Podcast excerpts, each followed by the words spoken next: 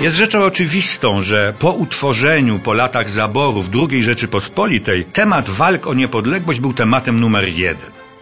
Ciekawe jednak, że ten obszerny, dramatyczny, fascynujący temat został jednak dosyć zdecydowanie okrojony. Przez kogo i dlaczego to już zupełnie inna sprawa. Powiem krótko. O powstaniach wielkopolskim i śląskich nie powstał ani jeden film fabularny. O walce z prusactwem, germanizacją tylko jeden. Temat patriotyczno-niepodległościowy ograniczał się w polskich filmach wyłącznie do walki z caratem i z bolszewikami. Nic więc dziwnego, że po pewnym czasie, na początku lat 30., widzowie i krytycy byli nim już znużeni. Wręcz błagano filmowców, by wreszcie przestali serwować widzom szarżujących kozaków, wrednych szpicli i ohydnych policmajstrów. Powstało jednak kilka filmów poświęconych tej właśnie problematyce, które podejmowały temat patriotyczno-niepodległościowy w sposób nieszablonowy, artystycznie dojrzały, a jednocześnie atrakcyjny. Jednym z nich był film debiutanta Mieczysława Znamierowskiego, córka generała Pankratowa.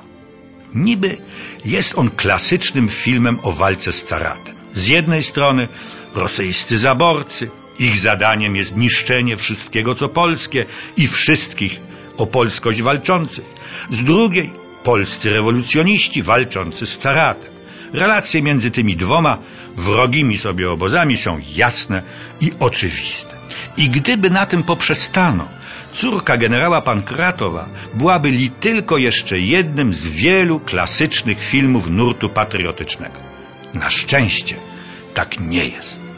Odejście od schematu polega na pewnych komplikacjach fabularnych. Pierwszą jest to, że tytułowa córka generała Pankratowa, prześladowcy i ciemiężyciela Polaków, zakochała się w polskim rewolucjoniście. Gra go Franciszek Brodniewicz. To trudna i niebezpieczna dla obu stron miłość. On bardzo długo nie zdaje sobie sprawy z tego, kim jest jego ukochana. Dalej. Okazuje się, że matką Aniuty była Polka. Ojciec, generał Pankratow, dopuścił się przed laty swoistej hańby, no nie rasowej, ale narodowościowej. O co przełożeni mają do niego niejakie pretensje. Więc on za wszelką cenę stara się gorliwością i bezwzględnością zasłużyć na uznanie władz. Natomiast Aniuta, zakochawszy się w Polaku, stara się odnaleźć swoich krewnych ze strony matki. Zaczyna rozumieć rację Polaków. Film kończy się tragicznie. Aniuta umożliwia ukochanemu ucieczkę z warszawskiej cytadeli, sama jednak nie potrafi się odnaleźć, rozdarta między tymi dwoma światami, polskim i rosyjskim. Popełnia samobójstwo.